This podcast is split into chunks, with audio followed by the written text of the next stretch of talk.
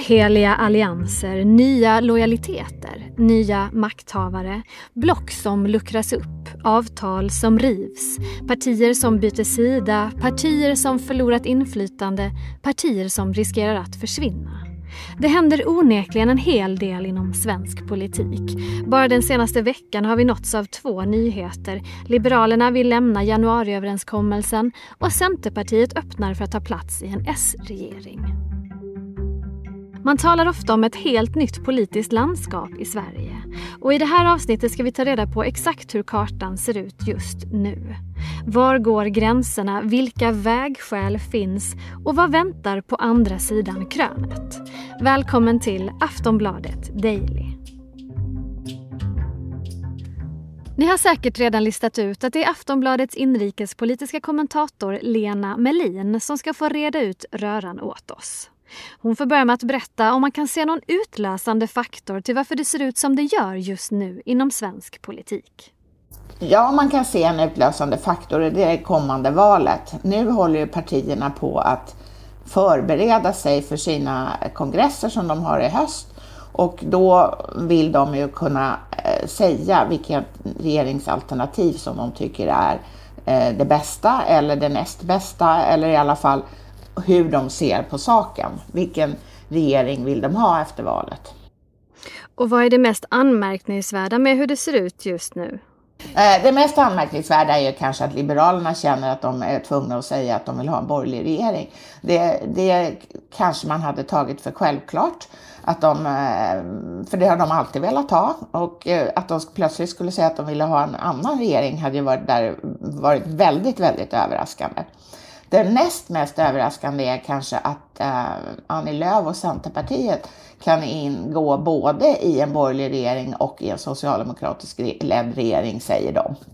Just det. Vilka är då de stora skiljelinjerna i svensk politik just nu? Vad är det som avgör vilken sida man står på eller vilken position man har? Det som är grundläggande för närvarande och som avgör hur det politiska landskapet ser ut är i förhållande till Sverigedemokraterna, alltså hur partierna ser på sitt samarbete med Sverigedemokraterna. Det blev en vattendelare redan eh, hösten efter förra valet och det fortsätter att vara så. Ja, om vi pratar om Sverigedemokraterna, vilken roll har de? De har ju inte behövt göra någon större förflyttning. Är de nöjda med sin position? Det tror jag inte att de är i grund och botten därför att det har inte gått så himla bra för dem under den här mandatperioden. Alltså inte så bra som de är vana vid att det har gjort under de tidigare mandatperioderna sedan de kom in i riksdagen. Utan de, de ser ut att öka lite grann eh, jämfört med sitt förra valresultat. Men de är vana vid att i princip fördubbla det nästan, utom vid senaste valet när de ökade med 5 procentenheter, vilket ju alla andra hade tyckt var superbra, men de själva var, var missnöjda med enligt dåvarande gruppledaren Mattias eh, Karlsson. Det har ju hänt mycket på ganska kort tid här, några år. Eh, är det tydligt för väljarna hur den politiska kartan ser ut nu och vilka möjliga koalitioner man röstar på i nästa val?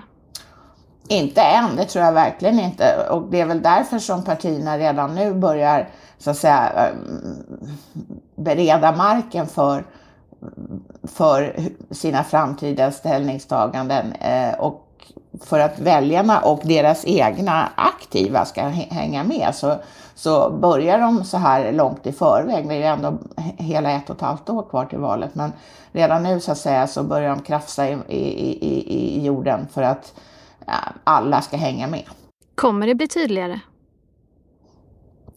Eh, det tror jag inte. Inte tydligare än som de just nu har lagt fast sina positioner.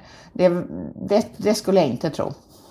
Liberalerna och Miljöpartiet ligger ju risigt till i alla mätningar. Hur stor är risken att vi bara har sex partier i riksdagen efter nästa val? Det man kan säga är att det är väldigt ovanligt att partier åker ur riksdagen. Det har nästan eh, inte hänt i modern tid, eller rättare sagt det har hänt vid två tillfällen.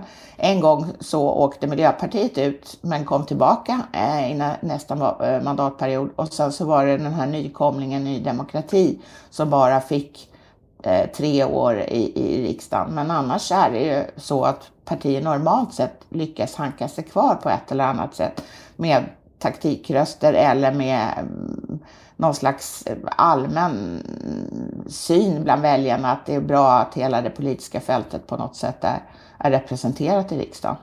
Men det lär bli på håret? Det lär absolut bli på håret och det var ju nästan så att eh, Liberalerna åkte ur förra gången.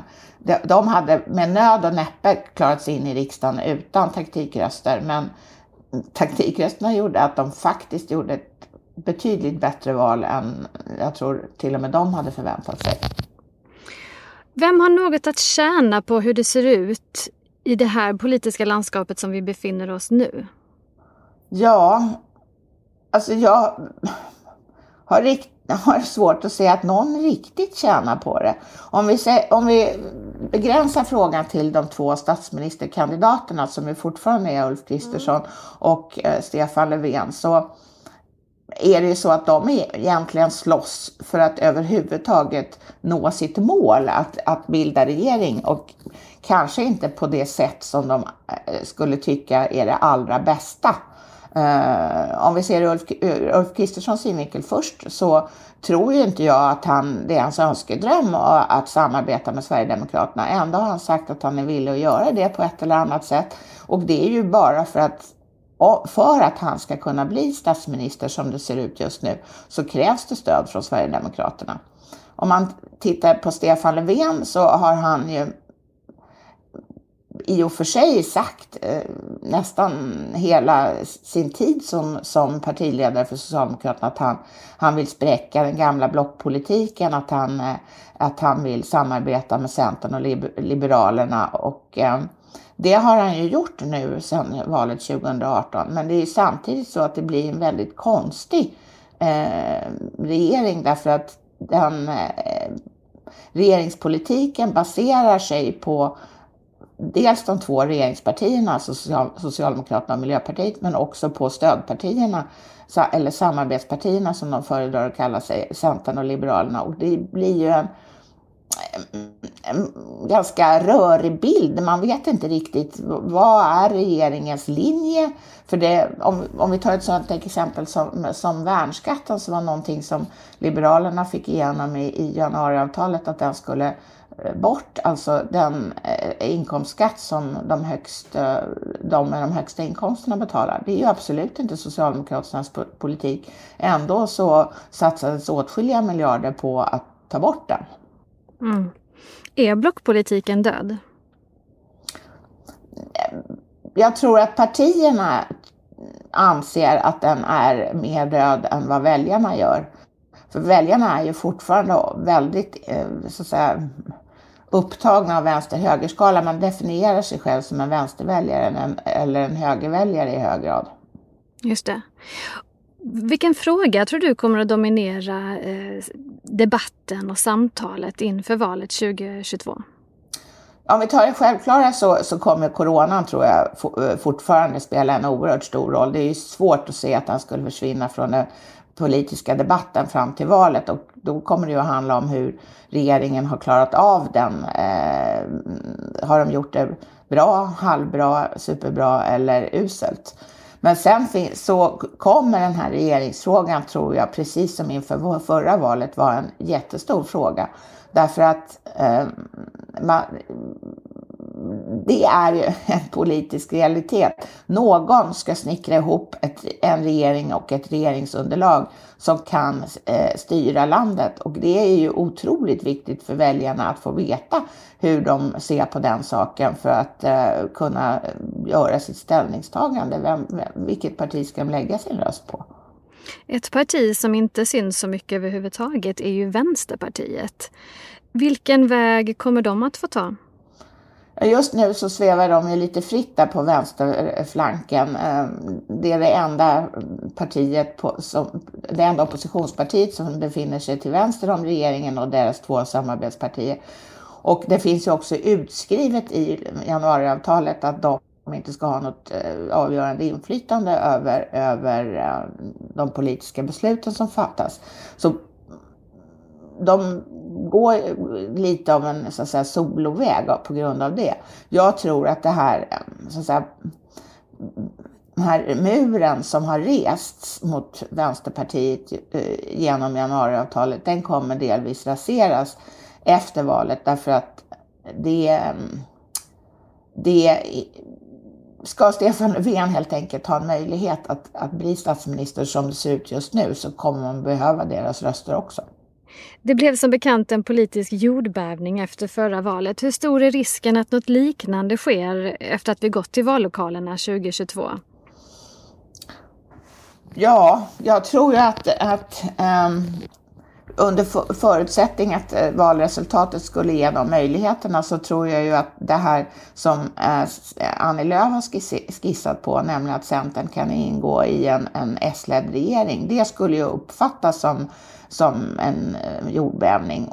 Även om det inte är nytt i svensk politik, därför Centern och, och Socialdemokraterna regerade ihop på 50-talet, men det är ju väldigt länge sedan och väldigt få som kommer ihåg det. Desto fler kommer ihåg hur sammansvetsad alliansen var under sina år. Så det, det, det tror jag upp, skulle uppfattas som en jordbävning. Och vad skulle regeringsalternativet eh, vara då? Ja, det kan man ju tänka sig att um, Socialdemokraterna, Centern och eh, Miljöpartiet bildar någon typ av regering, men då måste ju de ha något slags stöd från Vänsterpartiet. Kanske enligt den nuvarande modellen att man har ett budgetsamarbete där man har skrivit ner vissa saker som ska genomföras. Eh, man kan ju också tänka sig att, att det, det att Centern befinner sig vid sidan av. Det, det beror lite på hur stora de här olika partierna blir. Att det är en S-MP-regering med stöd av Centern um, som tutar och kör och hoppas att det går bra. De kommer ju aldrig komma upp till 50 procent av rösterna. Det, det har jag väldigt svårt att tro. Vågar du göra någon slags betting redan nu? Hur det kommer att gå? Alltså det, det mest naturliga Eh, förutsatt att valresultatet inte skiljer sig på väldigt många punkter från hur eh, valresultatet såg ut 2018 och hur opinionsläget ser ut nu. Det är att Ulf Kristersson blir, eh, blir statsminister därför att det är ju en kraftig, borgerlig, kraftig högermajoritet i riksdagen med dels de fyra borgerliga partierna men dessutom Sverigedemokraterna. Så där, det är ju egentligen det som så att säga det är där en, majoritet, en klar majoritet av väljare befinner sig på, på högersidan. Så Men då ska SD ingå där då? Det måste de göra och då kommer inte Centern vara med för att det, det, där har ju Centern varit oerhört eh, klar och tydlig eh, under många, många år vid det här laget att de vill inte ha med Sverigedemokraterna att göra. Det låter som att vi kan förvänta oss lite mer kaos framöver helt enkelt. Det tror jag och en ganska stor sån politisk ingenjörskonst kommer säkerligen att krävas även efter nästa val. Och, och kanske lite snabbare än de fyra och en halv månader det tog att snickra ihop nuvarande eh, regeringsunderlag. Sist här hörde vi Aftonbladets inrikespolitiska kommentator Lena Melin. Jag heter Olivia Svensson och du har lyssnat på ännu ett avsnitt av Aftonbladet Daily. Vi hörs igen snart. Hej då! Du har lyssnat på en podcast från Aftonbladet. Ansvarig utgivare är Lena K Samuelsson.